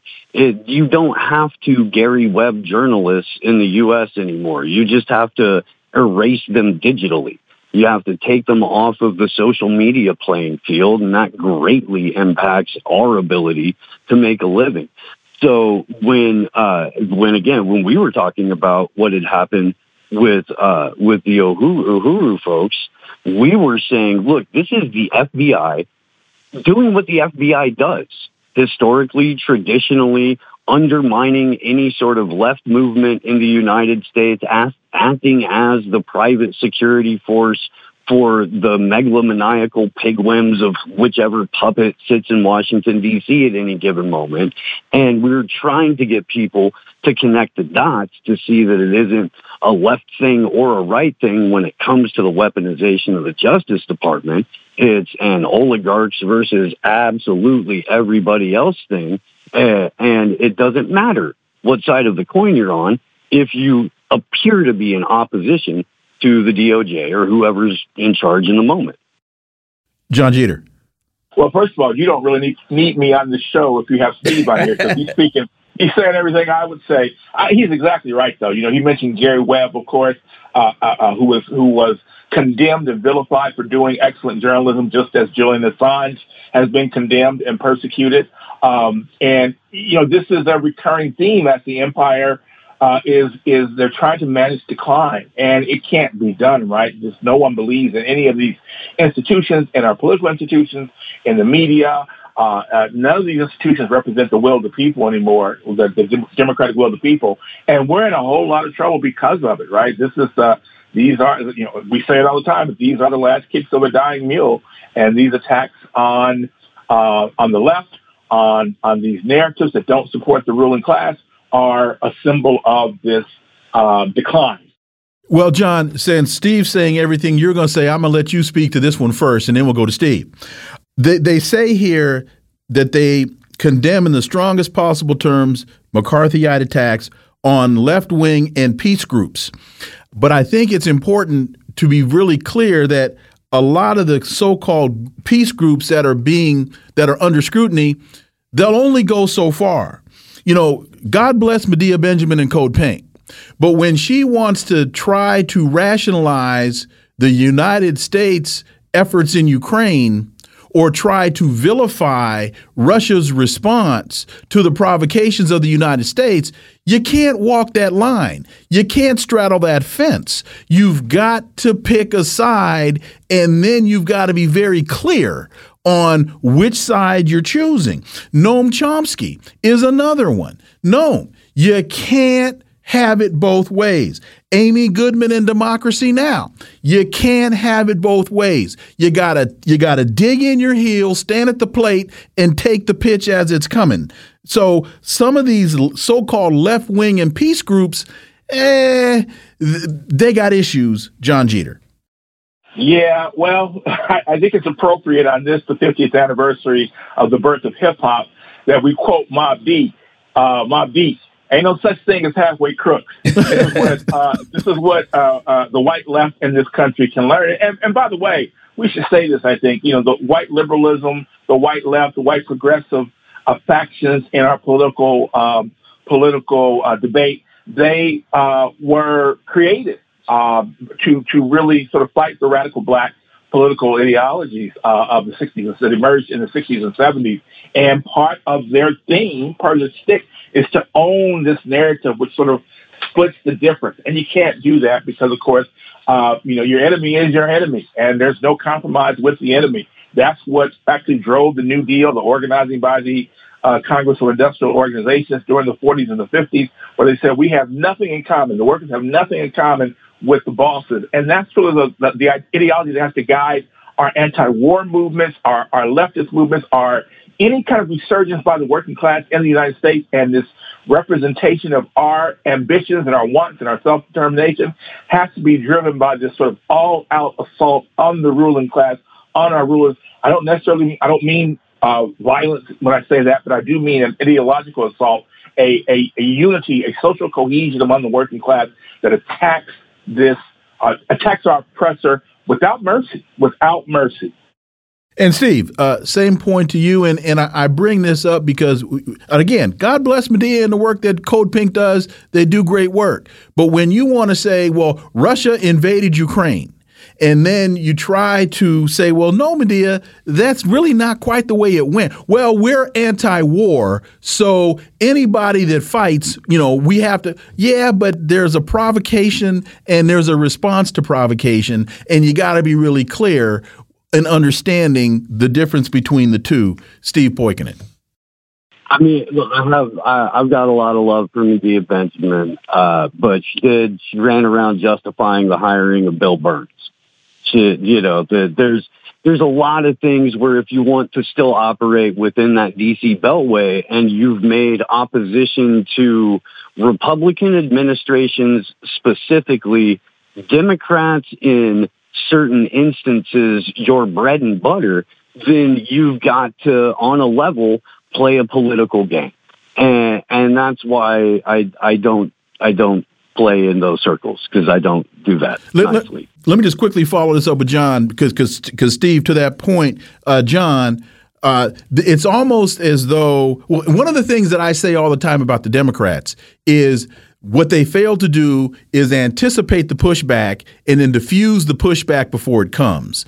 And so, what I see happening with Code Pink and Noam Chomsky is they don't want to be called pro Russia. So they'll say Russia invaded Ukraine. And to, so they're hedging this bet. Well, they'll use Russian aggression. That's what they'll say. Exactly. I oppose Russian aggression, but.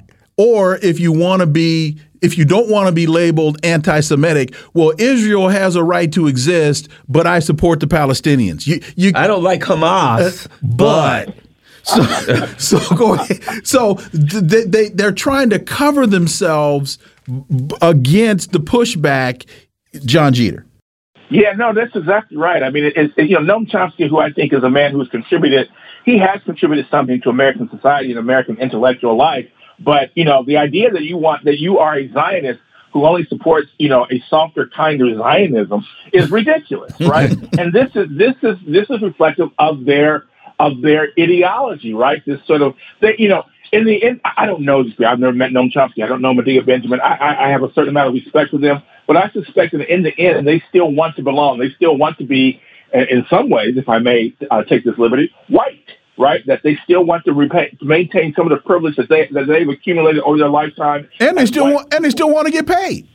And it, exactly right, which is of course is, is the material value that's attached to whiteness. So I believe you know we, we just can't avoid the racism that's at the bottom that, that's at the heart of racial capitalism, right? We can't avoid that, even though we have allies like Noam Chomsky, like Medea Benjamin. I do think they are allies, right? They're people right. we can work with. Right. We have to be conscious of the fact that they are not completely on our side. I mean, the, the, the, the working class, really, but certainly the black and people of color who, uh, you know, we are the most oppressed people. And just, just to finish that point, you know, it's, again, it's the most oppressed people who have to tell our story.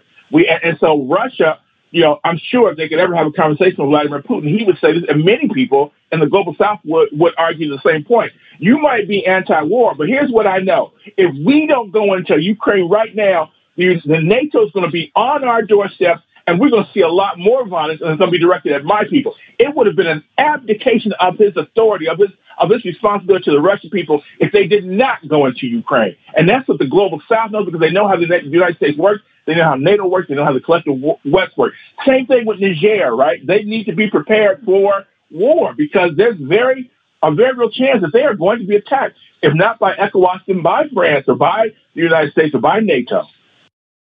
Uh, another important uh, uh, uh, issue that uh, we just brought up the U.S. hints of a plea bargain for Julian Assange is only meant to placate the media. You know, are they really going to do it? Are they going to try to get him to enter an Alford plea, et cetera? But I think one of the things that's going on now is the Biden administration are feeling like uh, they need an off ramp. I don't think they want to bring Assange here.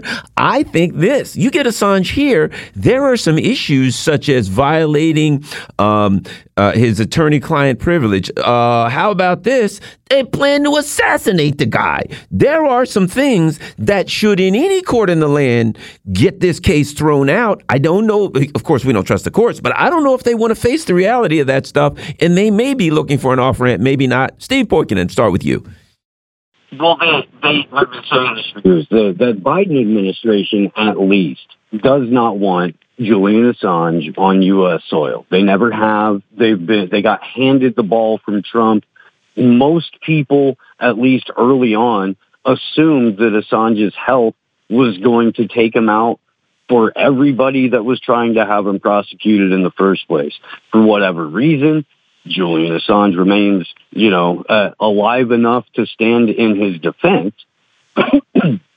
so he's still a problem. We've been talking about the use of lawfare to weapon to, to uh, keep Assange off the table. It's effectively happened for the last uh, four and a half, five years now.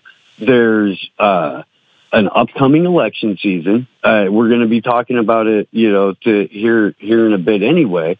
But it looks like uh, with every indictment, Donald Trump goes up in opinion polls. Uh, they're setting it up for a Trump two.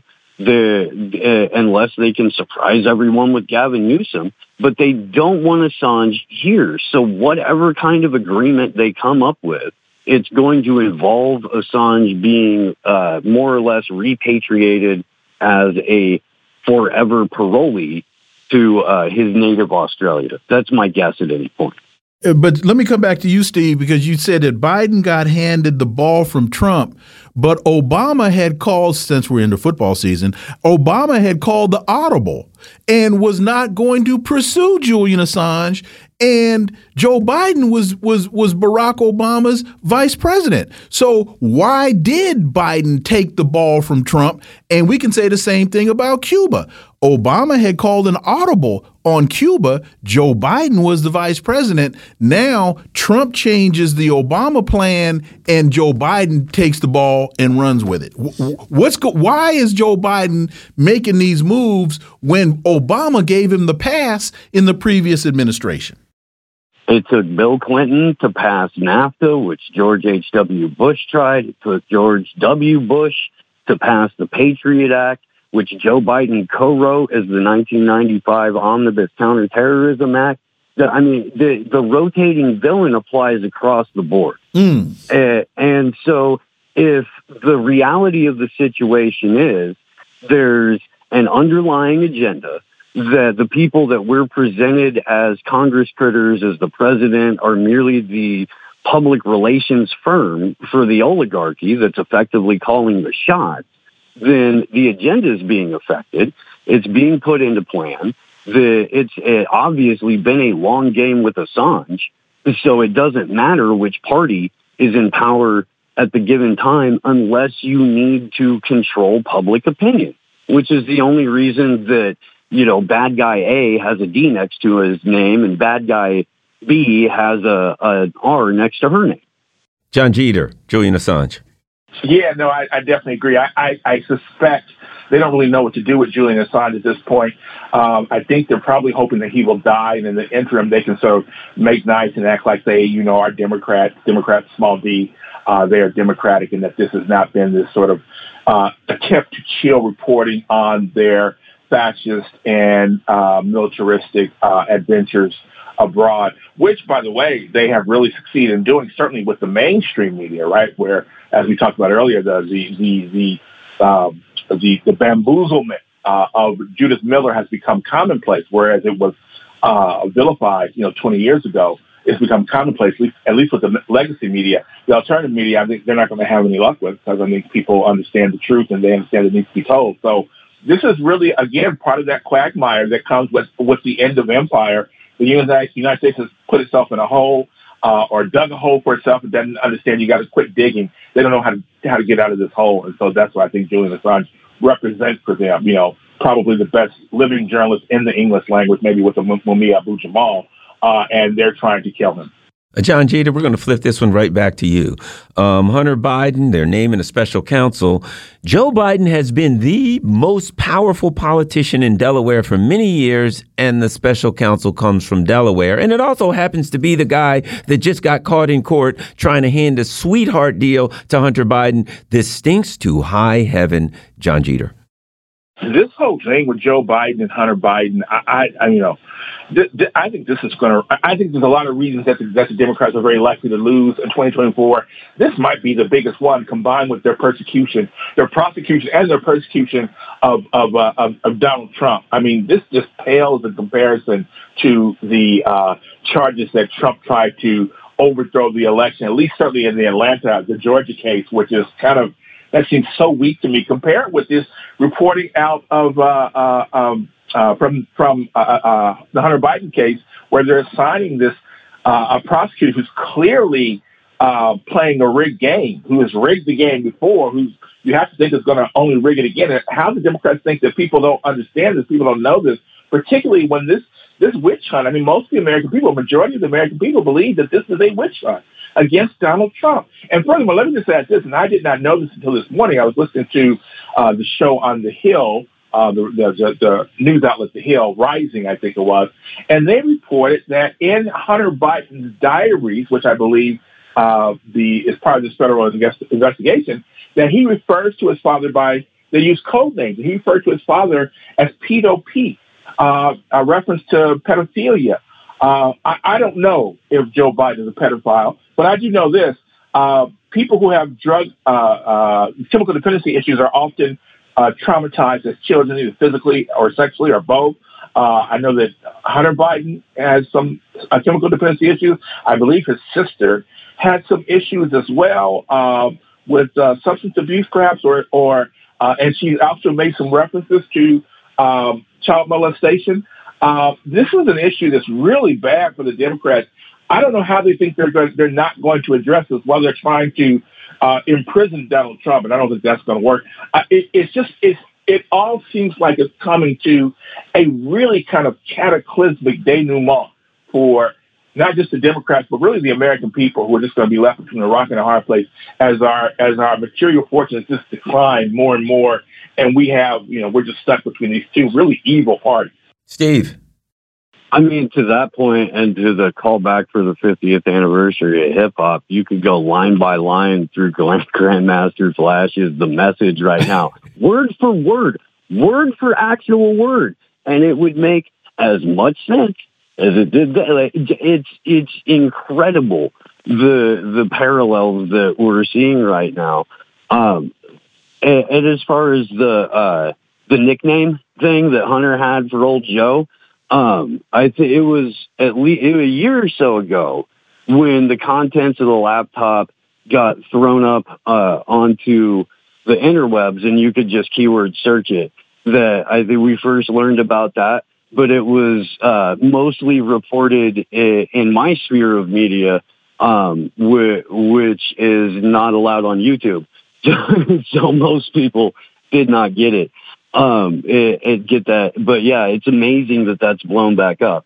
Um, we're the, John's been saying it the whole time. Uh, this is this is the the controlled demolition in the American empire, uh, and we're in what appears to be complete free fall right now, where it, you've got the corrupt crackhead son of the sitting president, where everyone knows he's running around making deals with foreign governments that dad gets a kickback on. And we're all just supposed to keep going to work every day. We're all just supposed to keep paying increasingly uh, through the roof electric bills from monopoly companies like like like this is normal. Uh, it's it's infuriating. John Jeter, uh, they've indicted Trump for everything but removing the tag from his mattress. I think that's coming next. And uh, RFK Jr. is, um, you know, making some noise. Of course, he's saying some things that uh, I don't like about Israel, but notwithstanding that, he's making some brilliant points about empire. And of course, let's not leave out brother Cornel West. The 2024 election, your thoughts, John Jeter? Oh, this is, this is going to be huge. I think the biggest election, certainly since Jesse Jackson in 84, 88, in terms of reshaping the conversation. I believe that's, that's going to happen. Uh, you know, the, the reason that they hate uh, RFK Jr. so much is not because he is, like Cornel West, a sort of progressive solution, a democratic answer, someone who they feel will might respond to the will of the people, uh, but because, uh, and this was true of John Edwards as well, who was also uh, uh, prosecuted for some BS.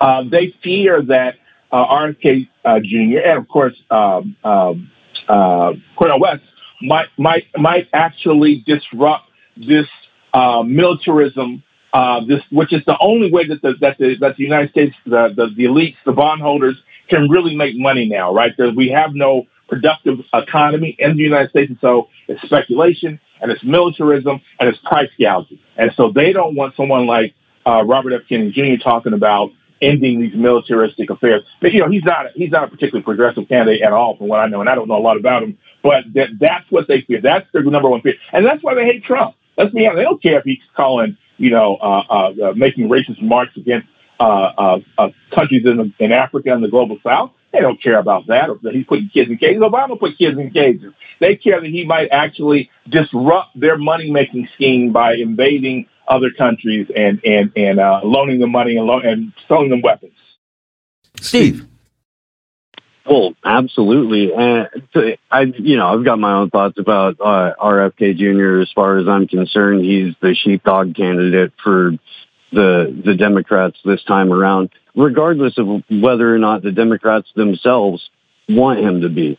I still haven't heard a word from his campaign about what their strategy is to get him on the ballot because according to him, they're not going through the DNC apparatus, signing the loyalty pledge, using the Act Blue stuff. So that makes him a private citizen running for president who needs to qualify to get on the ballot in every single state. Haven't heard a word from his campaign about that. Uh, as far as Cornel West goes, I, he was very, very wrong on a handful of very important things during the last three years. I understand why, uh, and I hope that he can be uh, talked with by people who have gone through some really hectic stuff over the last three years as a result uh, of uh, some very, very wrong-headed decisions. Um, but he needs way more exposure. He needs to be able to get out there uh, into more uh, mainstream spaces that he used to be comfortably, you know, brought onto when he wasn't running for president.